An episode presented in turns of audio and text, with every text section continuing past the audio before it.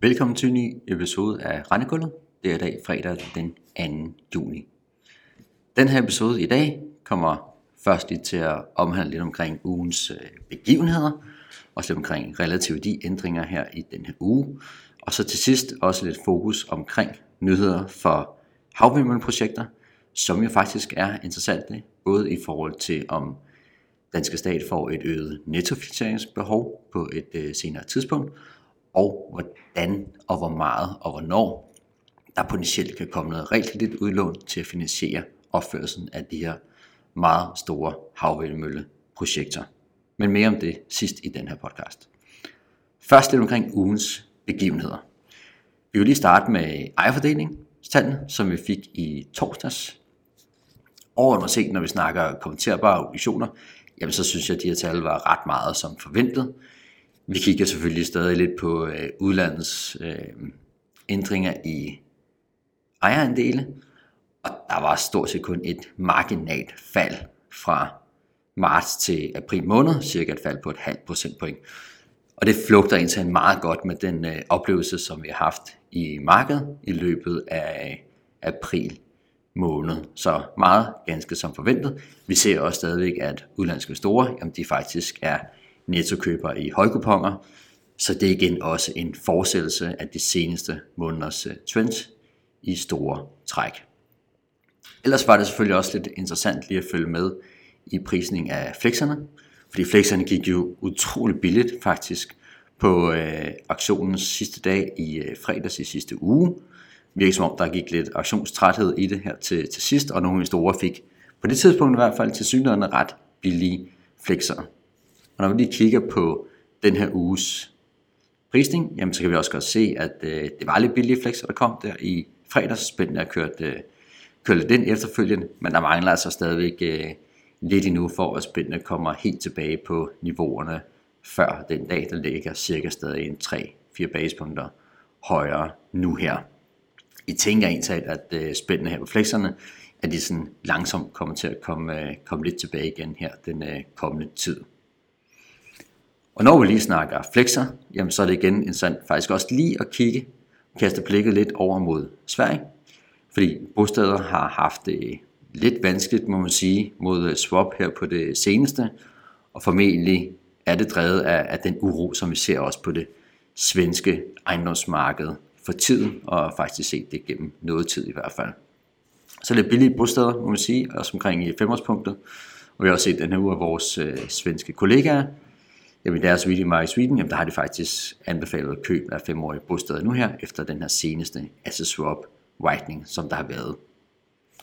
Og når vi lige sammenligner bostederne med flexer, jamen så er der altså faktisk også et ret højt asset swap spænd, både i 3 og 5-årige bosteder i forhold til flexerne, og den her forskel, den er altså lidt tæt på et højt niveau siden øh, af 2017.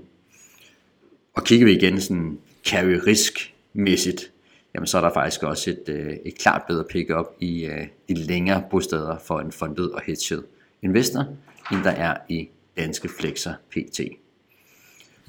Zoomer lidt ind på den danske kog, jamen så er det faktisk stadigvæk de tre år flexer, jeg synes, der ser, øh, ser fine ud. Både i forhold til de kortere og lidt længere flexer. Carry riskmæssigt, der øh, ser det også fornuftigt ud, og faktisk bedst ud for fundet hedged investorer. Og det er faktisk også her, der er den mindste forskel mod de treårige bosteder. Så kan vi også lige vende floaterne. Vi synes jo, det gik øh, et par basepunkter øh, for billigt øh, på aktionerne, og vi har faktisk set lidt tightening af de her floater mod flexerne efterfølgende, cirka en 3-4 basepunkter tighter. Så øh, vi holder indtil stadig fast i vores øh, anbefaling på at øh, købe floater frem for øh, flexer PT, og holder lidt fast i den trade, vi tog på i sidste uge under aktionerne. Omkring danske stater, hvis vi skal vende dem, så er der stadig forholdsvis øh, lav handelsinteresse i markedet. Vi ser det også lidt på øh, prisning, og specielt øh, stat 33, som jo ligger ret billigt i historisk perspektiv i hvert fald mod øh, tyske stater, og faktisk også den billigste stat på øh, kurven mod Tyskland. Vi må se, om der kommer til at ske noget om det spænd af den kommende tid, men forholdsvis lav aktivitet, må man sige. Så på den øh, praktiske del, jamen så i den her uge, der kan vi faktisk byde velkommen til en ny medarbejder i øh, teamet. Vi byder velkommen til Frederik Romdal, så kom til torsdags, og det er jo altid rart at få lidt dygtige hænder til at hjælpe med de mange opgaver, der ligger. En anden ting, som vi også lige skal vende og øh, bruge det gruppe, det er omkring øh, kommenterbare talt lidt om, at jeg synes, at det ligger billigt for tiden. Faktisk også blevet billigere, må man sige, spændmæssigt til swapper, uden nogen nævneværdige driver i vores øjne. Og i forhold til vores fair value model, jamen så ser kommenterbare nu her omkring 25-30 basepunkter for billige ud mod swapper. Så jeg synes bestemt, der er god grund til at kigge lidt på øh, de kommenterbare og se, om man skulle øge noget eksponering, sådan rent taktisk, og formentlig også øh, kortsigtet med tro på noget OS performance. Og den næste driver, jamen det kan faktisk godt være genplaceringsbehovet sidst på øh, den her måned, som typisk plejer at give anledning til noget performance i kommenterbare. Hvis synes, man skulle vælge en kombination af både øh, 30-årige 5% og 30-årige 1%, primært fordi det er sådan set der, hvor likviditeten er pt i hvert fald, og det er i hvert fald noget, man tydeligt kan se på handelsvolumen, hvis vi kigger på det på de seneste par måneder, jamen der står 30-årige 5% og 30-årige 1% faktisk for omkring 70% af omsætningen i de 30-årige åbne kommenterbare serier. Men tag et kig på vores øh, videomarked, som vi sendte ud i den her uge, for lidt flere detaljer.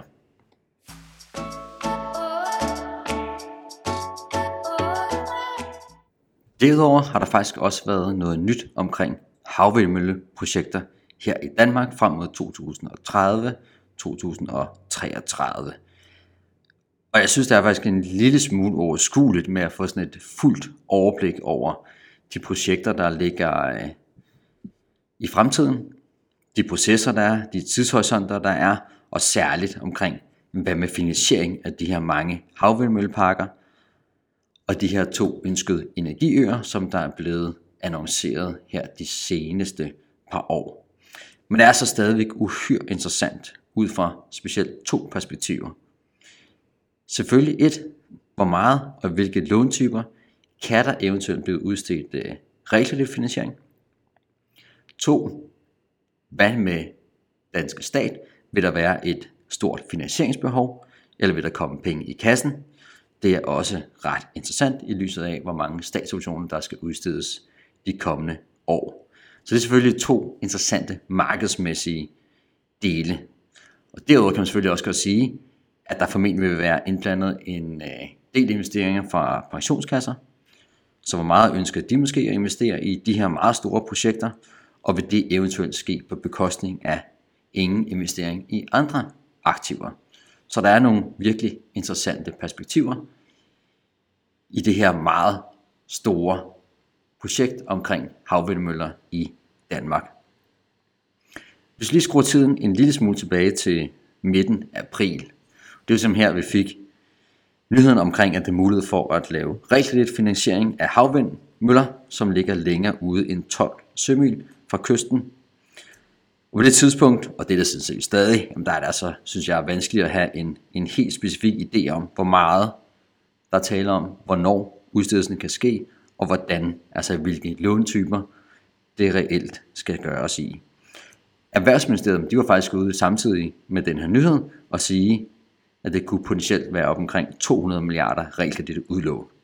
Så det til troende, jamen så er det faktisk rigtig store mængder, så derfor vældig interessant. Slutningen af april, der kom der så en meddelelse om, at ni lande, inklusive Danmark, de har indsat planlagt at opføre sådan 130-150 gigawatt havvind i Nordsøen frem mod 2030. Det er ret store beløb, når vi snakker kroner og øre. Prisen for 1 gigawatt havvindmøllepark ligger formentlig omkring 15-20 milliarder. Så er altså tale omkring op til 3.000 milliarder finansieringsbehov, internationalt finansieringsbehov formentlig, og det er altså stadigvæk ret store beløb. Kan en del af det være rigtigt? Ja, det er jo det, der i princippet ikke kan øh, udelukkes, og det er nok der, der potentielt kan ligge nogle muligheder for noget realkredit finansiering senere hen. Men det er altså ikke noget af det, som vi er blevet klogere på i den her uge, men det er super interessant at følge med i de kommende måneder og måske også øh, år.